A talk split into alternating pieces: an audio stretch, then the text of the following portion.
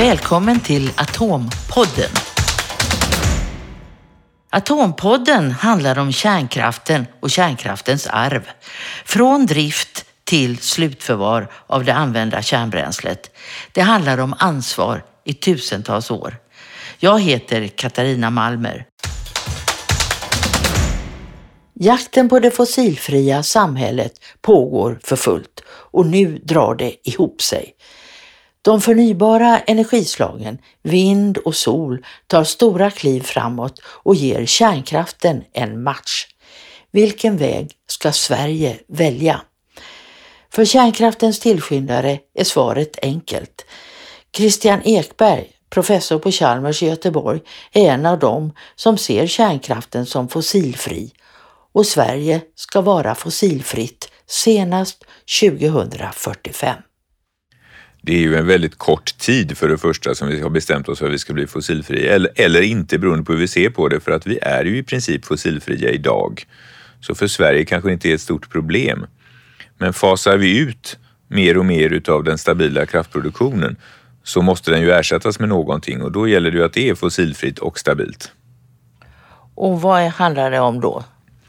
Ja, i, för Sveriges del så måste man fundera på kanske i något större skala. Sverige är relativt väl framme i fossilfrihet men resten av Europa är det inte. Så vi kanske ska bidra till Europas fossilfrihet också genom att till exempel exportera fossilfri el. I form av? Det skulle ju helst vara då i form av kärnkraft, ser jag, som är stabil och så vidare. Men vi måste bygga upp alternativen också naturligtvis. Men alla energislag har sina nackdelar och det kan vi inte blunda för. Vi kan inte hitta på lösningar som vi inte har för att lösa nackdelarna för vissa energislag men inte för alla, alla andra. Men det känns ju lite grann som det är en dragkamp mellan det förnybara och kärnkraften idag. Alltså att en tävling kan man säga. Vem är snabbast, billigast och bäst framme? Ja, och det är ju i grund och botten naturligtvis jättefånigt om det är så att målet är att vi ska ha en fossilfri energiproduktion eller elproduktion i världen. Så är det ju jättefånigt att två stycken koldioxidfria eller fossilfria kraftslag ägnar större delen av sin tid åt att slå på varandra istället för att se hur kan vi utnyttja varandras styrkor tillsammans för att komma fram till det här målet på kortast möjliga tid. Ja, men då har vi då lite olika energislag och alla har, som du också påpekar, sina problem. Eller hur? Ja, men så är det ju definitivt. Om vi tittar till exempel på vindkraften, så när man gör sina modeller så räknar man ofta med att energilagen, men det kommer vetenskapen att lösa. Det här har vi löst inom ett par år. Vi har vätgas och vi har allt möjligt sånt här. Ja, det kanske så kanske det är, men vi har det inte nu.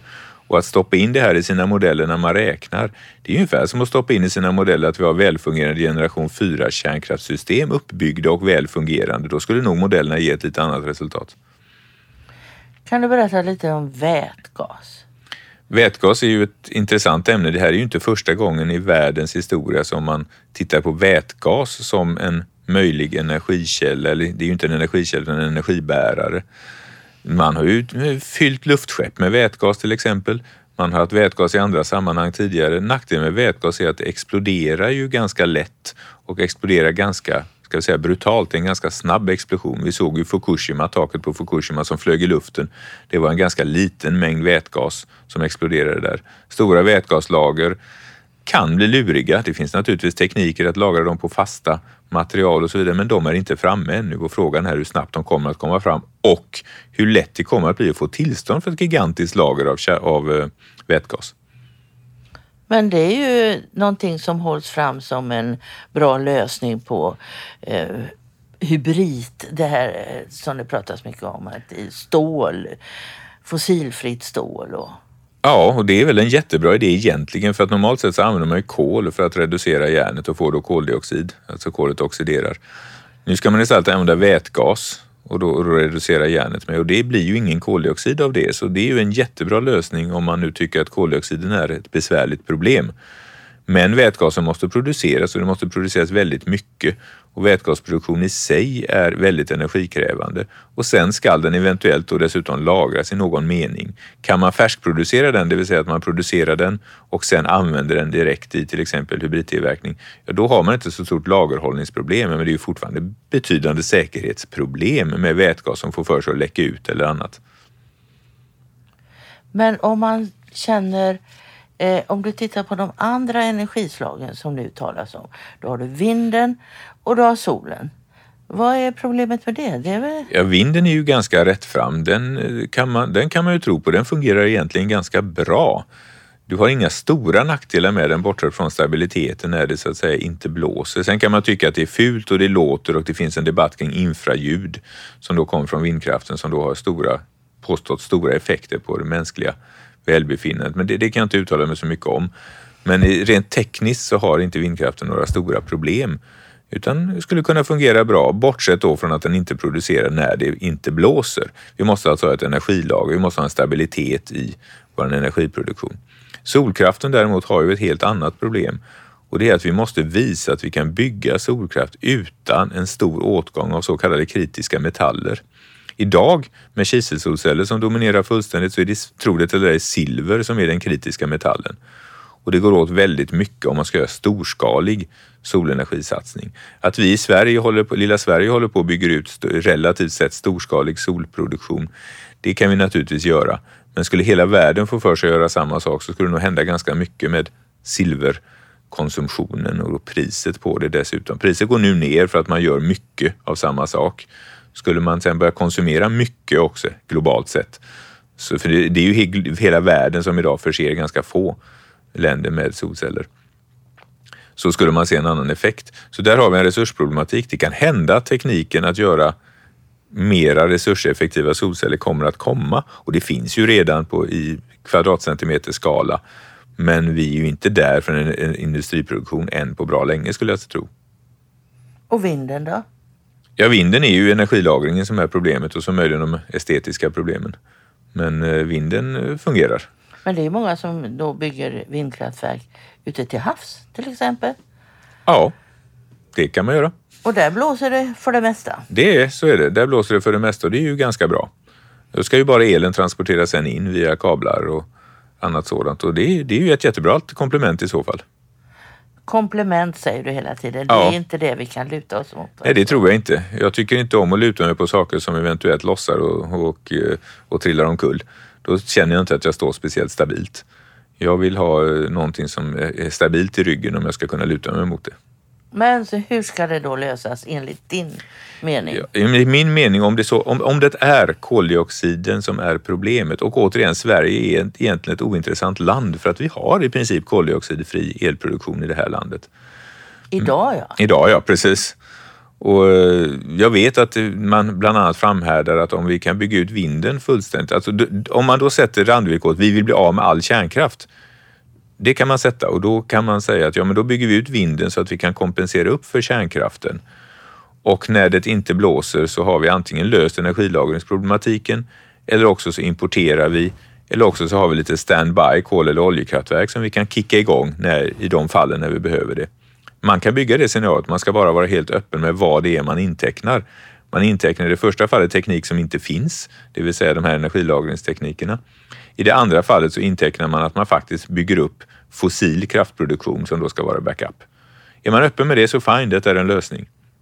Alternativt så har vi kvar en betydande mängd kärnkraft eftersom elkonsumtionen faktiskt kommer att öka eftersom vi ska elektrifiera väldigt mycket. Och då enda chansen att få till någonting som faktiskt fungerar till 2040, det är nog att bygga ganska traditionella verk. De gamla, alltså då, då ser du inte, om, om du då tittar på de här generation 1, 2, 3 och 4.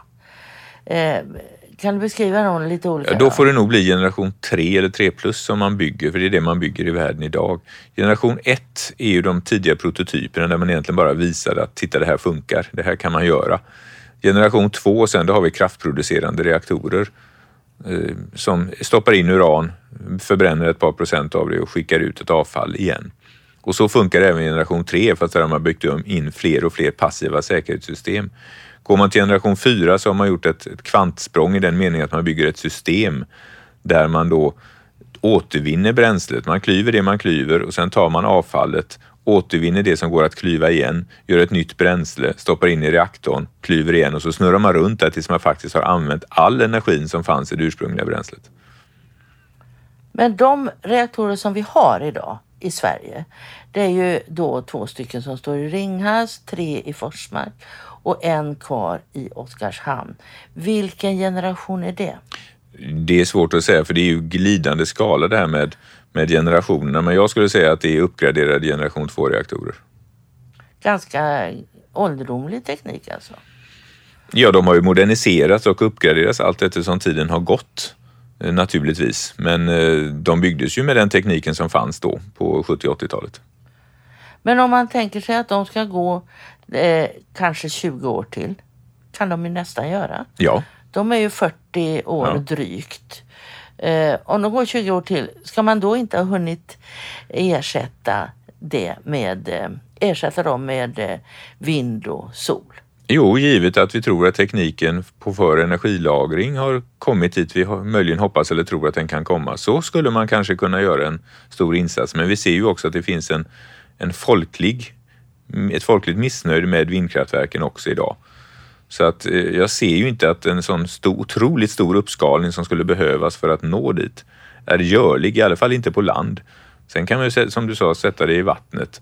Men vad det får för eventuella konsekvenser, det vet inte jag. Men eh, det verkar som vi sitter fast i någon rävsax här alltså. Ja, det så skulle man kunna uttrycka det. Det stämmer bra med min bild dessvärre. Men eh, då kommer ju de här generation, eh, generation 4, eller är det de här små också? SMR? Ja, det är ju, SMR adresserar ju ett av problemen som vi i Sverige har bestämt oss för att kärnkraft ska byggas på kommersiell basis. Det vill säga vi hittar på ungefär hur mycket den ska kosta och sen eh, så frågar vi om någon har lust att bygga det där för det priset. Och eh, det är det ju ingen som har haft lust till idag för att då måste man när man bygger en stor reaktor för låt oss säga 40 miljarder kronor så ska den ju få gå i en 60-70 år innan Alltså den kommer ju bli, alltså tjäna pengar på den kommer du kanske göra efter 20-30 år. Men det är 20-30 år det för den otroliga investeringen, så det är en otrolig kapitalkostnad. By, bygger du de här små modulära reaktorerna, SMR står alltså för små modulära modulära reaktorer. som du bygger ihop som en De bygger- byggsats? Ja, i eller? princip är det så. Eh, Moduler som man sätter ihop, man kan alltså bygga dem ganska fort, ganska många. Och det gör att byggkostnaden kan man ju få ner en del. Sen är det andra kostnader som går upp. Men det viktiga slutsatsen är väl att produktionskostnaden per kilowattimme för en SMR är snarlik den för en stor reaktor. Men den kommer ju att börja generera vinst mycket, mycket tidigare egentligen. Så att kapitalkostnaden som ligger och drar, ligger och drar kortare tid. Och det är ju viktigt när kapitalet är den viktiga frågan. Man kan ju ta en jämförelse som jag är ganska förtjust i. Det är att man kan inte idag, tror jag, säga från till exempel regeringens sida, här har vi en flod. Vi behöver en bro över den här floden. Är ni som företag snälla och bygger en sån här bro? Vi kommer inte att betala er någonting överhuvudtaget. Men ni kan ta betalt över bilarna, från bilarna som kör över den när den är färdigbyggd. Och vi kanske kommer att bygga en väg fram till bron. Sätter man upp sådana premisser så tror jag inte något företag kommer att bygga en sån bro heller. Men vad är då, som du ser det, vad, vilken väg tror du är, man måste ta för att klara det här? Ja, då är vi inne på politiska spörsmål och det är ju inte min specialitet. Tekniskt kan vi ju bygga både vindkraft och kärnkraft generation 2, Om 3 man och vill, 4. om man vill, om, om det man inte vill. blir för dyrt. Som Ja. du sa, om du jämför med bron då. Ja. Då är det, det, det kan ju bli för dyrt för den som ska göra det. ja, det kan ju bli det. Och då eh, tittar vi på vindkraften så säger vi ju att den har en låg produktionskostnad, 30-40 öre per kilowattimme och det är ju lågt. Men det är ju bara produktionskostnaden för att bygga upp den och köra den. Då betalar man ju inte för att den ska faktiskt producera el hela året. Man betalar ju inte för uppbyggnad och forskning kring energilagring som ju då behövs för att ge stabilitet. Så det är mycket man inte betalar för då när man säger de här 30-40 örena. Så det är ju, gränsar ju till, till att inte vara fullständigt sant när man ger den, den, den uppgiften. Men jag kan tyvärr endast se att det här går inte att lösa på kommersiell basis. Jag kan inte se att vi kan med dagens system bygga upp detta på kommersiell basis utan att tillse att ett land har energi på samma sätt som att vi ska ha vård och eh, transporter och så vidare. Det är egentligen en statlig fråga. Men tillstånden kan ju också ta tid. Tillstånden är ett jätteproblem i det här sammanhanget. Det är också en sak varför man kanske borde bygga de traditionella reaktorerna för där har vi tillståndsprocesser som är inarbetade. Vi vet hur de fungerar, de finns väl nedskrivna och väl granskade. Ska vi bygga nya typer av reaktorsystem så måste vi först ta fram tillståndsprocesserna som man sen ska följa för att granska det som man bygger upp. Och det tror jag kan ta ganska lång tid. Rent tekniskt kan vi bygga upp generation 4-system imorgon, men granskningen kommer att ta väldigt lång tid. Men som du ser det då, så det vad man borde göra så borde man alltså bygga nya generation 3 då, sådana som vi har.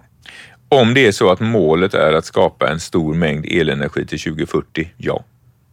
Men det hinner man nästan inte få eh, bygga upp en sån på den tiden? En, en vanlig eh, stor kärnkraftsreaktor idag, om man tittar på de som har byggts i världen och de allra senaste nu som har byggts upp i, i Förenade Arabemiraten, så tar det i storleksordningen 5-6 år att bygga dem. Och de producerar el efter 8 år och det är ju 20 år kvar till 2040 40 drygt. Så då borde man kunna hinna bygga väldigt, väldigt många. Men finns det någon som skulle vilja det då på kommersiell basis som du säger? Ja, det är återigen, jag, jag, tror ju inte att man på kommersiell basis vill göra det när man är i ett läge där man inte kan garantera att man faktiskt får tillbaka sina pengar. Så det här är en infrastrukturfråga, tror jag. Jag kan ha fel, men jag tror att det är en infrastrukturfråga. Att vi måste garantera att någon som går in med de här 30-40 miljarderna eller vad det nu kostar måste faktiskt ha en chans att få tillbaka sina pengar. Men om det blir en statlig fråga, då är det ju annorlunda. Då är det helt annorlunda. Då kan man köra på i någon mening. Men det är ju också då en eh, politisk fråga idag är ju slutförvaret och det är överhuvudtaget produktionen av el. Har ju hamnat eh, hos politikerna. Ja, det är ju, de, det är ju på, det är på politisk nivå som huvudsakligen landet ska styras. Så det är väl, det är väl rätt naturligtvis att det, det hamnar hos politikerna. Sen kan man möjligen hoppas på en något större lyhördhet och faktaintagande från den politiska sidan. Det vill säga man kanske inte ska lyssna huvudsakligen på eh, alltså predika för de redan frälsta, det vill säga att är man mot kärnkraft som politiskt parti kanske man inte ska gå huvudsakligen lyssna på forskare som har en agenda mot kärnkraft. Eller om man är för kärnkraft för den delen som politiskt parti kanske man inte huvudsakligen ska prata med forskare som är för kärnkraft, utan man kanske ska göra precis tvärtom. Man ska vidga sina vyer och prata med andra sidan inom citationstecken för att få ytterligare perspektiv så man kan fatta väl genomtänkta beslut. Ja, men då låter det som att du som är för kärnkraften vill gärna träffa typ dagens miljöpartister. Det tror jag skulle vara en jättebra idé. Vad skulle du säga till dem då?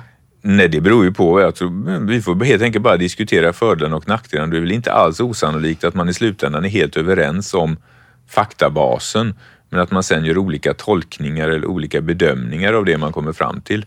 Och det är ju fair enough. Det, det tycker jag det är okej. Okay. Men man ska ju inte fatta sina beslut eller bygga sin politik på saker som inte riktigt stämmer eller som kanske då är ifrågasatta. Det, det tror jag är mindre bra, utan då är det bättre att fatta sina beslut på att jo, men så här ser det ut, men jag gör den här tolkningen. Jo, men den, din sida så att säga har kanske också en agenda? Ja, med största säkerhet har vi väl det. Vi, vi tror ju på det här. Det här ju, ser ju vi som lösning på samma sätt som andra människor tror på någonting annat. Men vi måste ju ha fakta på bordet för att kunna prata om det och vi måste prata om samma fakta. Finns det fakta då? Det finns väldigt mycket fakta. Det finns saker man kan göra och inte kan göra. Som jag sa tidigare, när man bygger energimodeller kanske det är lite oärligt att plocka in tekniker som vi idag faktiskt inte har och hoppas att vi kommer att ha om en liten stund och därmed visa att de här energisystemen går att bygga upp när man då inte gör det för alla delar i energisystemet. Det kan man tycka är lite osnyggt. Då är det bättre att sitta ner och fakta och diskutera. Det här finns idag. Det här vet vi finns. Hur ser systemet ut om vi bygger på saker vi redan har och vi vet hur de fungerar? Sen kan vi bygga fantasiscenarier. Om nu det här skulle kunna tänkas funka och det här skulle kunna finnas. Hur ser det ut då? Men då måste man vara öppen med att det är fantasiscenarier.